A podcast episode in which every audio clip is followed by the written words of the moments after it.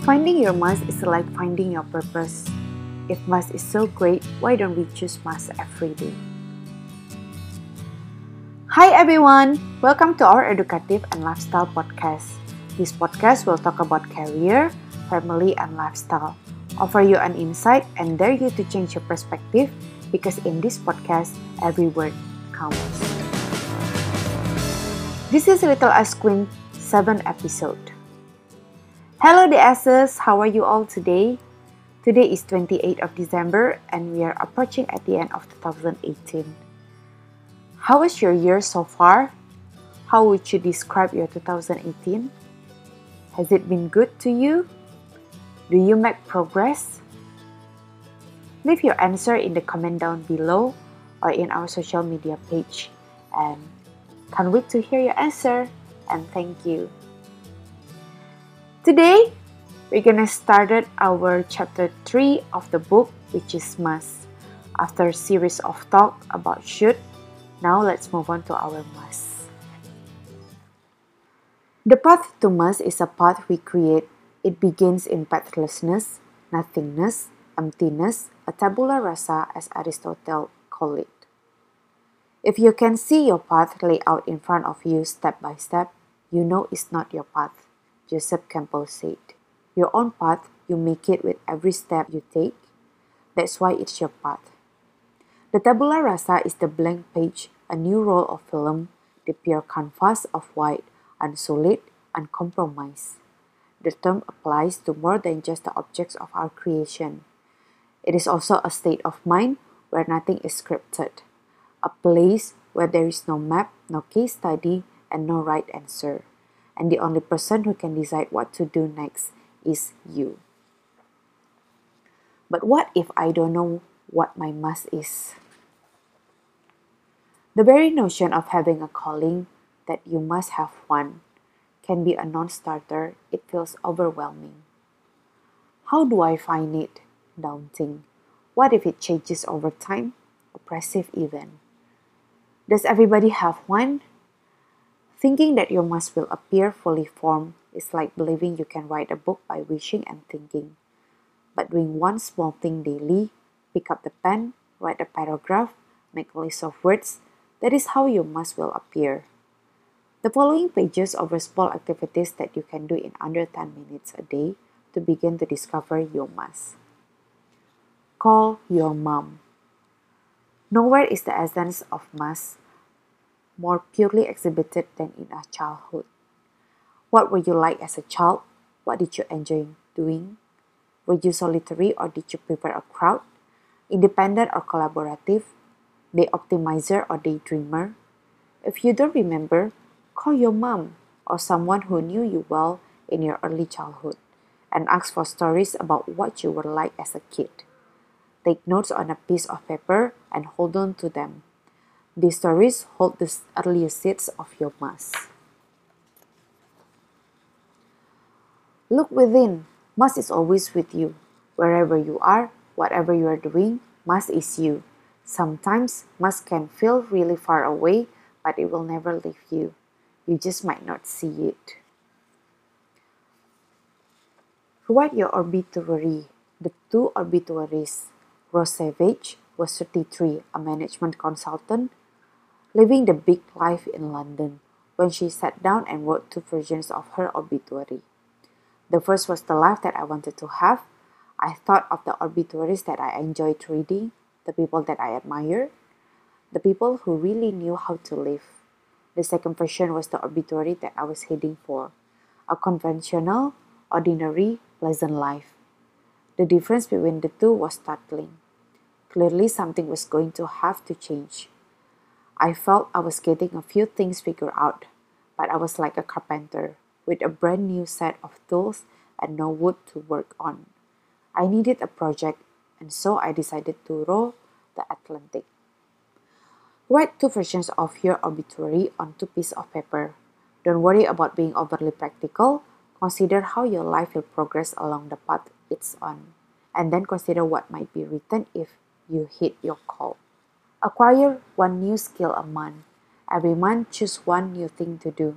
For example, go swimming, learn about Sikh Do headstands.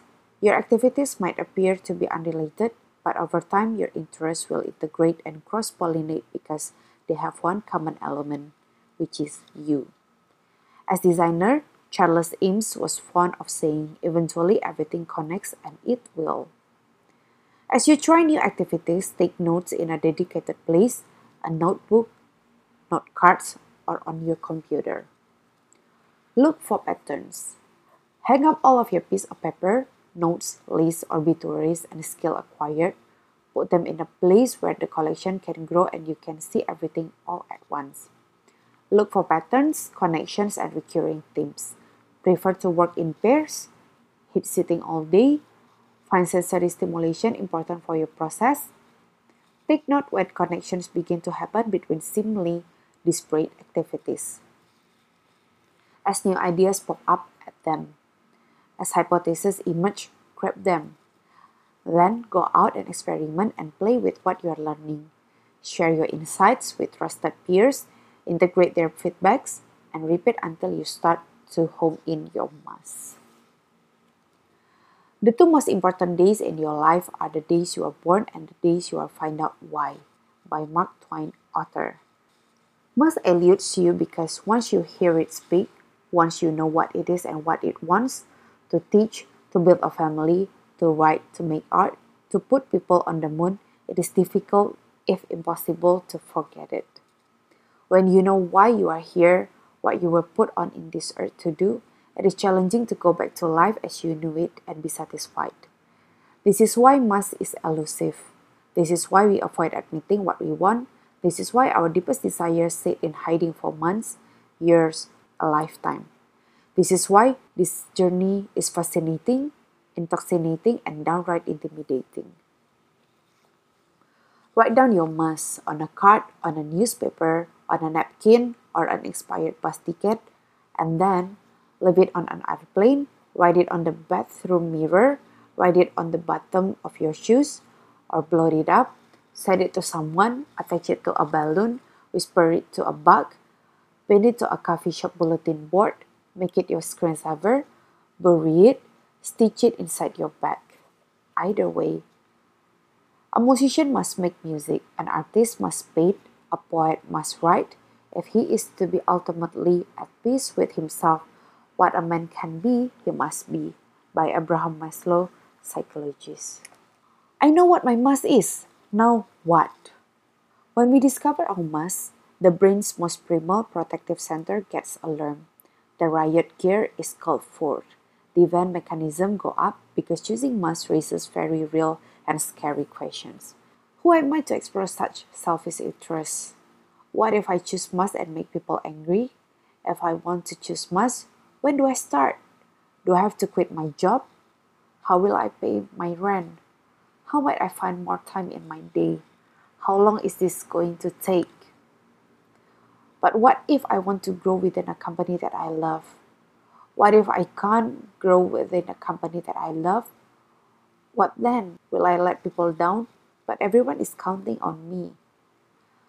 How do I explain any of this to my boss? How will I pay the rent, my loans, eat? Can I choose must with a friend, a peer, a group, a colleague, a team? What if I'm the boss? What will my peer think my family, my significant other? How might I best describe my journey? To others, what if they don't understand? How might I create a safe space to explore within my existing reality? What if I try to find my calling and I don't find it? How can I find more time? Do my ideas matters? If I want to choose must, do I need to do anything? Do I need anything? How might I balance finding my must with my existing obligation? And yes, that is our scary question, guys. Everybody does it. So do you, so do I. Even when I started my Little Ice Queen, there were a lot of questions. When I started to quit my job, I started to question myself how can I pay for myself? How can I live with myself? even though I was married, even though I'm married and I quit my job, but I still I want to do what my must is. I want to find my purpose. why am I exist in this earth, right? And it is true, eventually it is fling. Throughout the years, every steps, every progress that I make, it leads to today, where I can share my experience with you, where I can read the books of should and must, and then help you guys to find out your must and your why in this earth. As I would like to begin my 2019, I would like to share my journey in 2018. 2018 has been wonderful journey for me and for my husband and for both of us. In January, we getting married, and then followed by our honeymoon. And then around March, I started to take Little Ice Queen seriously. And then finally, around June, I started to produce my first Little Ice Queen products, which is a t-shirt.